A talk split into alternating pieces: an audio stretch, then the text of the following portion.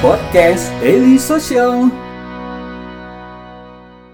Uh, selamat sore dan ketemu lagi gua Abi di sini dari Daily Social Podcast. Dan sore hari ini kita udah masuk di episode ke-22 dan spesial juga nih gua uh, bisa menghadirkan salah satu uh, CEO dari Social Bus di Jakarta. Dia adalah Mas Rade Tampu Bola. Selamat sore Mas. Ya, selamat sore Mas Abi. Terima kasih untuk undangannya bisa sharing di Daily Social Podcast. Uh, apa kabar Mas? Sehat? Kabar baik.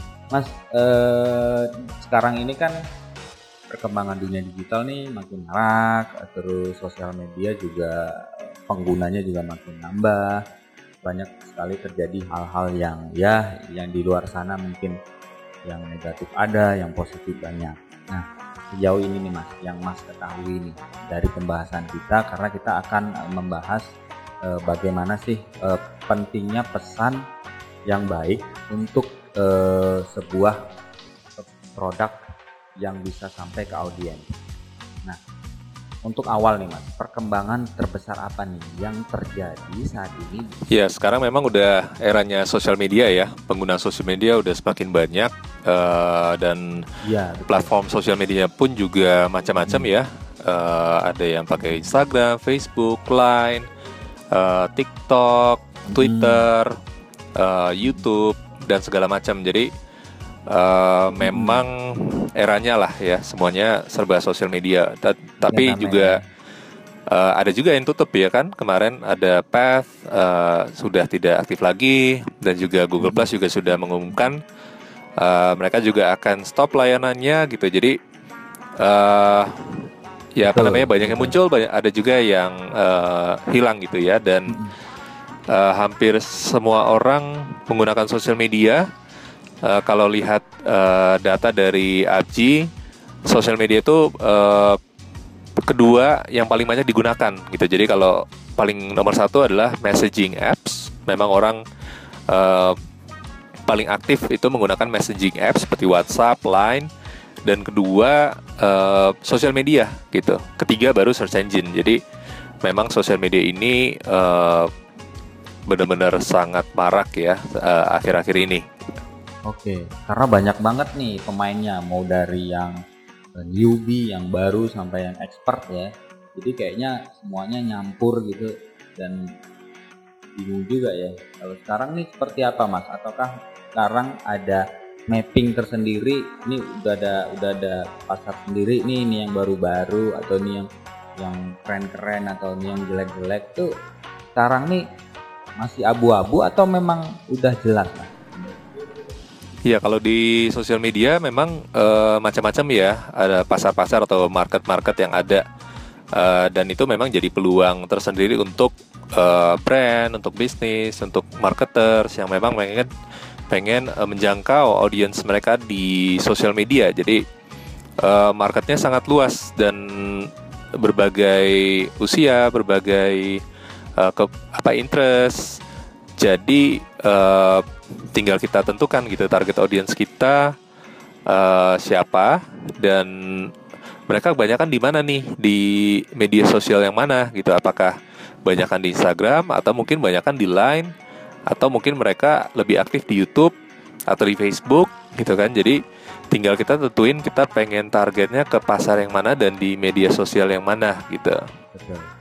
Tapi uh, kalau dari Mas Rade sendiri, uh, sepengalaman yang Mas punya atau yang Mas ketahui, cara menyampaikan apakah memang ada cara-cara khusus, ada etika-etika khusus jika kita ingin menyampaikan suatu pesan atau yang berkaitan dengan brand kita.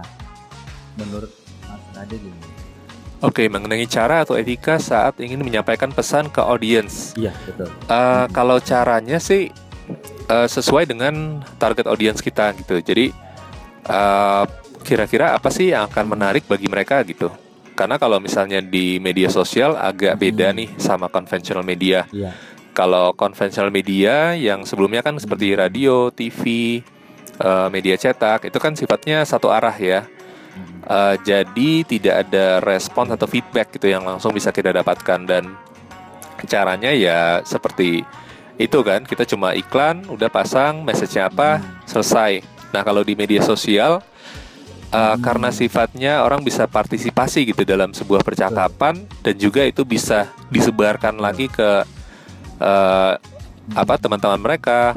Jadi cara-caranya memang harus agak beda nih gitu. Nggak bisa dengan mindset oke okay, kita pengen iklan gitu kan.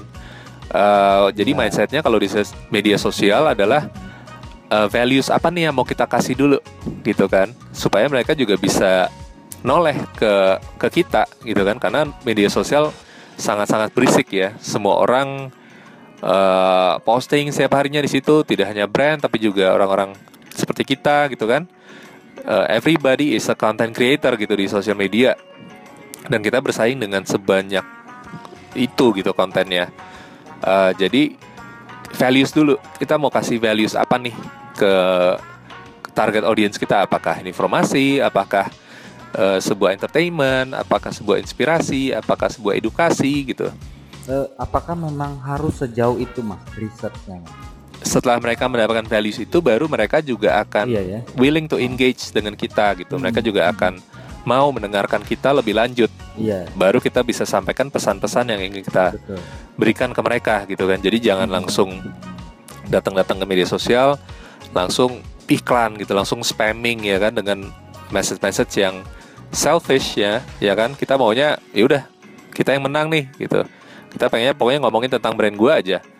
Nah enggak nggak bisa. Kita harus uh, relate. Kita harus bangun hubungan juga dengan mereka. Apa yang kalian butuhkan? Oke okay, kita kasih gitu kan. Kita kasih message kita kasih pesan kita kasih konten yang mereka butuhkan atau mereka suka. Dan juga benefitnya kalau mereka suka mereka akan willing to share gitu ke teman-teman mereka. Ya kan? Jadi nggak hanya stop message itu sampai ke mereka aja.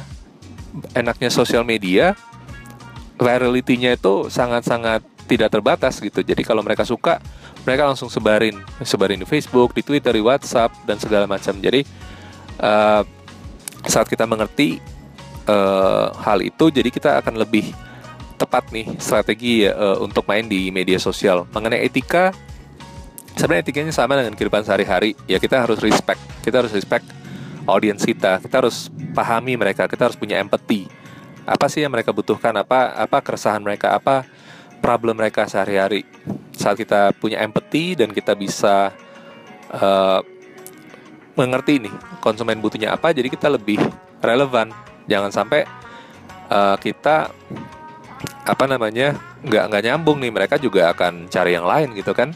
Karena banyak banget konten-konten yang lebih menarik gitu di di sosial media. Jadi uh, being relevant itu penting. Dan juga message-nya harus ada value supaya mereka juga pengen engage lebih lanjut dengan kita dan sampai menyebarkan pesan itu ke teman-teman mereka.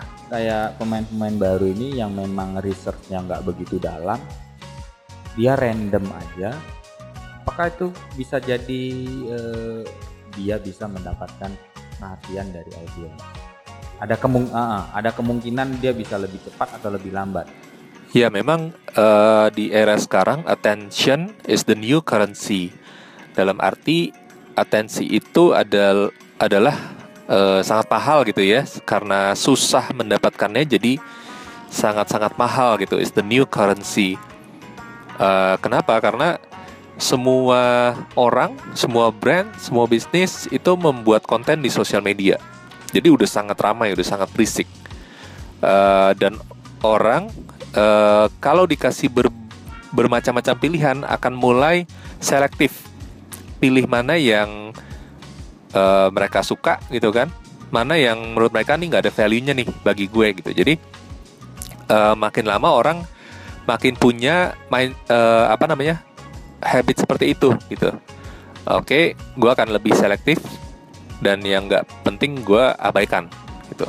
Nah jadi uh, nyambung nih ke market research yang tadi. Saat kita udah pahami apa yang target audience kita butuhkan apa yang apa yang menjadi keresahan mereka apa yang menjadi problem mereka kita akan lebih mudah gitu kan untuk bikin konten tuh yang udah tepat sasaran aja. Supaya supaya apa? Tadi dia kalau misalnya mereka merasa oke okay, nih konten emang buat gue nih. It speaks to me dan ini kayaknya menjawab kebutuhan gue atau ini sesuai dengan apa yang gue suka. Oke okay, I want to pay attention.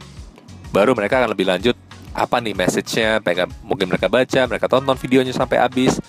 Mereka lihat uh, Instagram feed kita. Mungkin mereka follow mereka subscribe. Karena mereka cari konten yang ada value-nya bagi mereka. Nah itu. Jadi uh, apa namanya attention itu makin sulit tapi bukan berarti eh, nggak uh, bisa dilakukan gitu. Mm-hmm. paling nggak kalau memang dia nggak punya banyak ilmu akan hal itu dia learning by doing pada akhirnya. Mm-hmm. jadi uh, ya kalau tips-tipsnya uh, banyak lah ya. Tergantung di media mana kita bikin konten. Misalnya kalau di Instagram ya bikin visualnya tuh yang yang sangat-sangat menarik karena Instagram very very visual dan orang akan lebih banyak lihat fotonya dibanding baca captionnya gitu. Of course caption juga penting, bikin copywriting yang bagus kan. Nah kalau misalnya di YouTube mungkin judul sama thumbnail itu juga penting tuh untuk dapat attention awal. Of course kontennya juga harus bagus. Kalau nggak mereka ya langsung skip aja gitu kan, langsung udah cari konten yang lain. Uh, dan juga kalau artikel bikin judulnya juga harus yang oke okay, ya kan? Image juga harus yang eye catching uh, bisa ikutin tren juga karena beberapa algoritma kayak misalnya YouTube itu dia juga akan lebih uh, trend driven juga. Ya kan? Jadi kalau misalnya lagi orang lagi ngomongin apa nih? Uh, ya udah bikin coba bikin konten yang relate dengan itu tapi nyambungin dengan brand kita gitu misalnya. Oke uh, masih ada kemungkinan ya mas nah, yang penting cepat tapi kalau lebih bagus lagi ketika dia punya ilmu dan cepat bertindak itu lebih bagus lagi ya.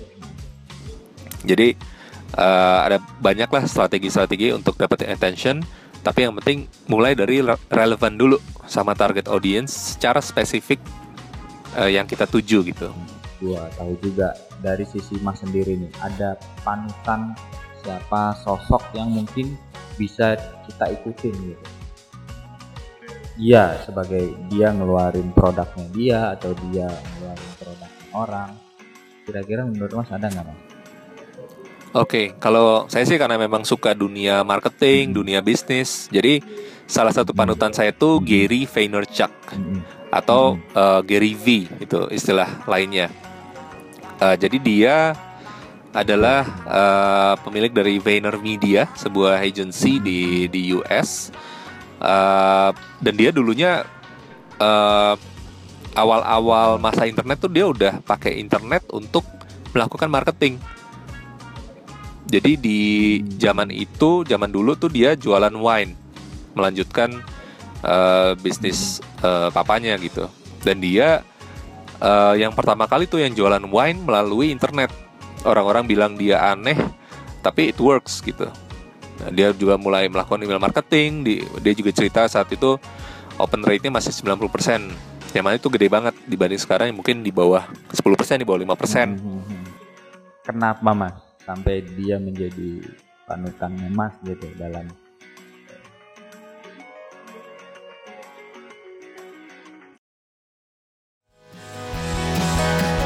Dengerin terus podcast Daily Social.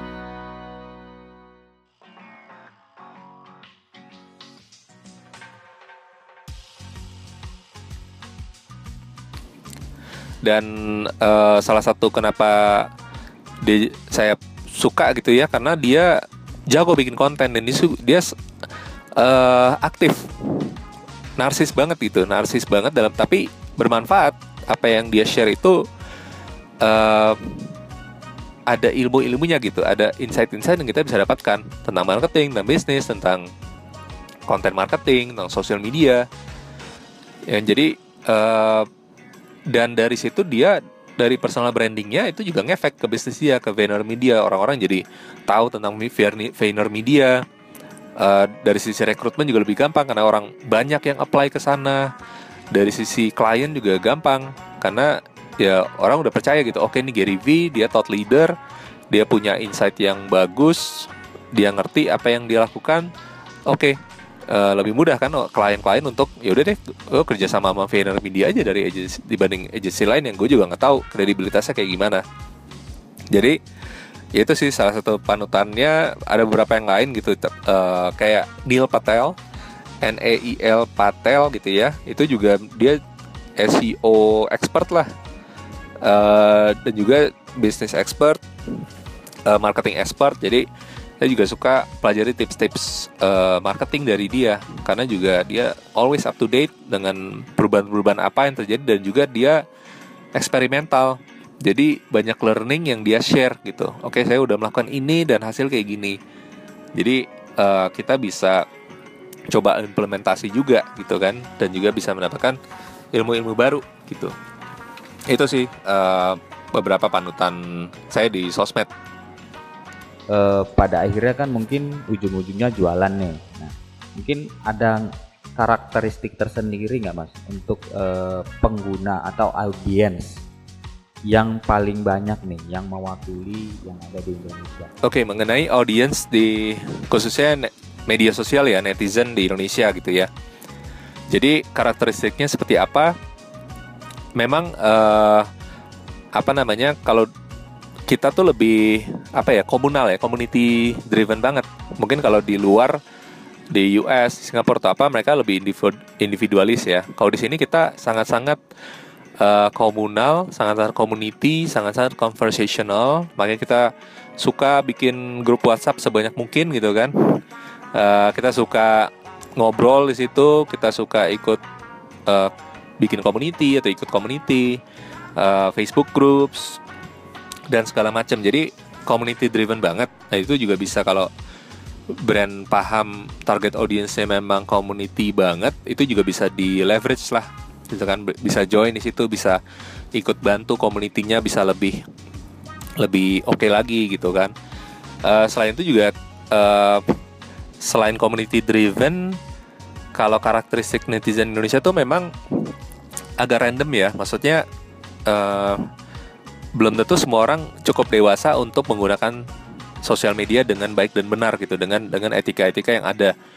Jadi mereka agak shock dikasih sosial media di mana mereka bisa berekspresi tanpa batas, bisa secara real atau anonim gitu. Jadi agak kaget gitu dan belum tentu hasilnya positif gitu. Jadi uh, untuk mereka-mereka yang memang baru masuk ke internet, baru menggunakan sosial media, ya itu cukup challenge sih bagi mereka maupun juga bagi kita semua gitu. Jadi uh, ya kita sama-sama perlu uh, saling remind, saling saling uh, apa namanya?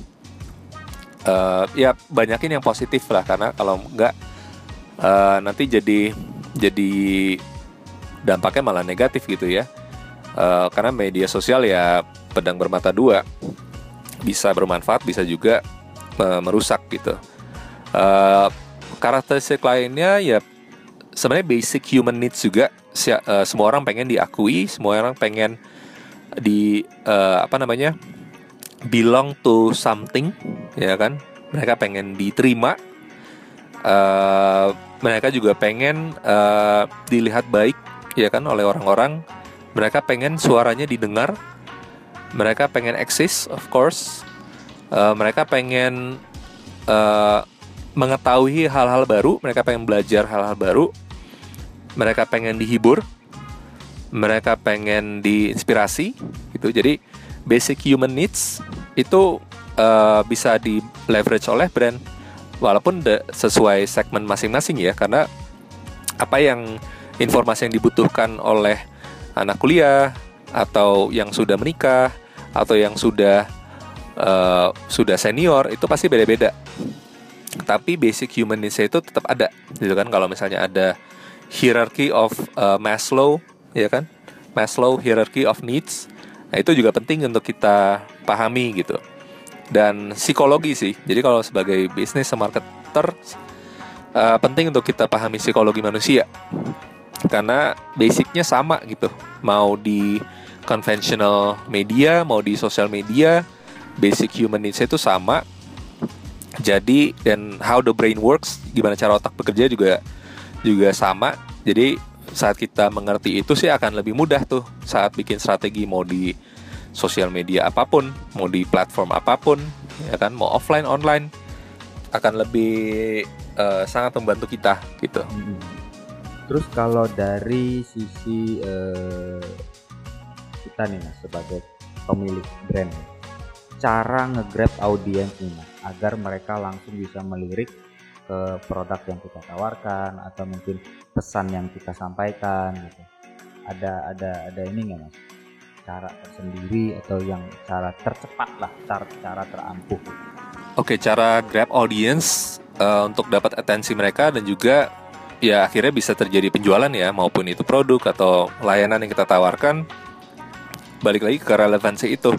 Saat mereka merasa oke okay, ini ini kayaknya buat gue dan oke okay, ada value-nya buat gue dan oke okay, ini gue butuh nih ya kan? Dan baru mereka willing to spend their money untuk beli produk kita atau beli layanan kita gitu. Jadi uh, relevansi sih relevansi aja dan juga ada value yang kita tawarkan ke mereka gitu. Jadi penting untuk kita pahami nih uh, apa yang mereka butuhkan apa keresahan mereka apa problem mereka sehari-hari sehingga saat kita buat copywriting saat kita buat uh, image saat kita buat uh, slogan, tagline atau apa pun di website, di sosial media kita, itu yang langsung dalam satu detik tek ke audiens yang baca, iya ini ini uh, relevan nih.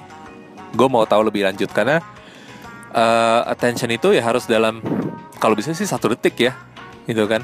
Kalau udah berapa detik mereka juga apa ya nih ya, mereka nggak ngerti, mereka akan skip, mereka akan pindah ke yang lain gitu. Jadi we only have one second to get their attention and to bring the value. Oke, okay, hey ini buat lo ada value nih dalam satu detik. Oke, okay, baru mereka mau engage dengan kita dan hopefully ya spend their money on our products or services. Kalau dari sisi habit ini, kebiasaan gitu, ada data nggak mas? Atau mas eh, sering ngikutin atau sekilas lah seputar habit dari audiens yang ada di Indonesia. Mengenai habit atau kebiasaan audiens di Indonesia ya memang beda-beda. Uh, beda target audiens, mau yang muda, mau yang udah kerja, mau yang udah menikah, udah berkeluarga, uh, itu pasti beda-beda. Jadi uh, harus sesuai dengan apa yang kita tawarkan sih, brand kita apa. Jadi uh, harus riset kecil-kecilan lah riset dulu habit mereka apa nih mereka kalau nongkrong di mana mereka suka baca media apa mereka kalau nyari di Google tuh nyari apa jadi habit-habit seperti itu yang perlu kita petakan sehingga kita bisa tap in ke habit itu. Ya kan? Kalau mereka oke okay, mereka habitnya suka nongkrong di coffee shop. Oke okay, kan? Nah jadi gimana nih untuk bisa kita engage dengan mereka? Atau mereka nongkrongnya tuh di WhatsApp atau nongkrong di Facebook atau nongkrongnya di di Line gitu kan. Nah, baru kita bisa bikin strategi. Oke, okay, apa ya harus kita lakukan supaya kita bisa tap in ke uh, di mereka nongkrong kayak gitu. Of course, kita harus kasih value, jangan yang datang-datang spamming gitu atau dengan mindset mau ngiklan. Uh, jadi ya beda-beda uh, harus cari tahu dulu dengan melakukan ya market research kekecilan dulu ke mereka. Mas, uh, mungkin terakhir ada tambahan Mas, mungkin uh, ada pesankah untuk pemain baru di luar sana atau ada promo dari Sosial Bus atau ada produk baru everything lah mas yang bisa disampaikan ke teman-teman dari sosial podcast di luar.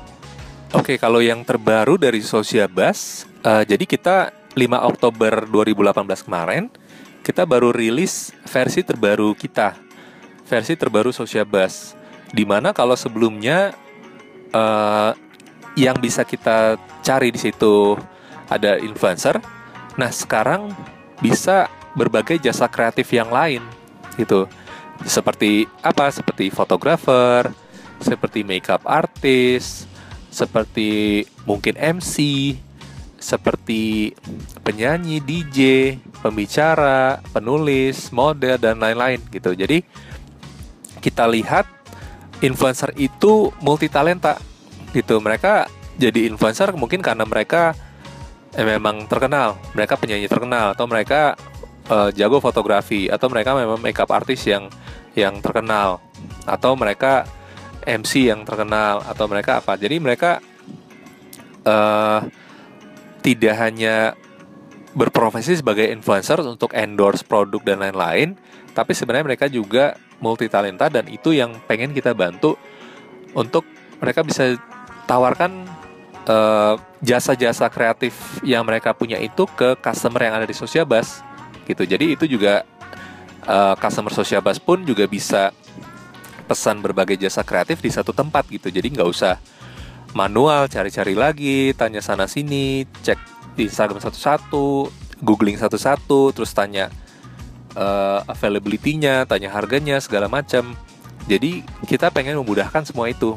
Butuh fotografer di lokasi A tanggal sekian, tinggal posting aja kebutuhannya.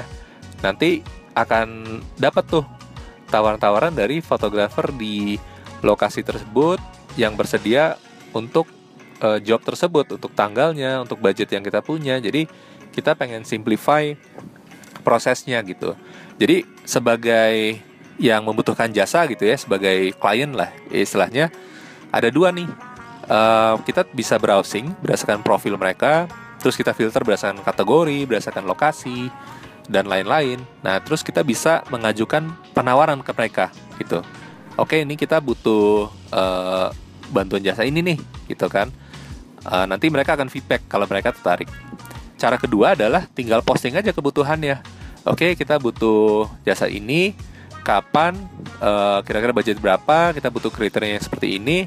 Tinggal posting tuh di sosial bus. Nanti dalam beberapa jam kemudian, uh, para profesional kreatif atau para penyedia jasa kreatif yang bersedia dan tertarik, mereka akan mengajukan penawaran. Jadi nanti tinggal pilih uh, mau kerjasama dengan siapa gitu bisa lihat portfolio mereka bisa lihat uh, bisa bandingin harga yang ditawarkan berapa tinggal kita pilih yang terbaik udah langsung kerjasama gitu jadi kita pengen memudahkan proses pencarian jasa itu sih gitu Mas mungkin itu aja terakhir uh, terima kasih banget udah mau ngobrol untuk teman-teman Daily Social Podcast Ya, terima kasih banyak Mas Abi udah diundang untuk bisa sharing di Daily Social Podcast.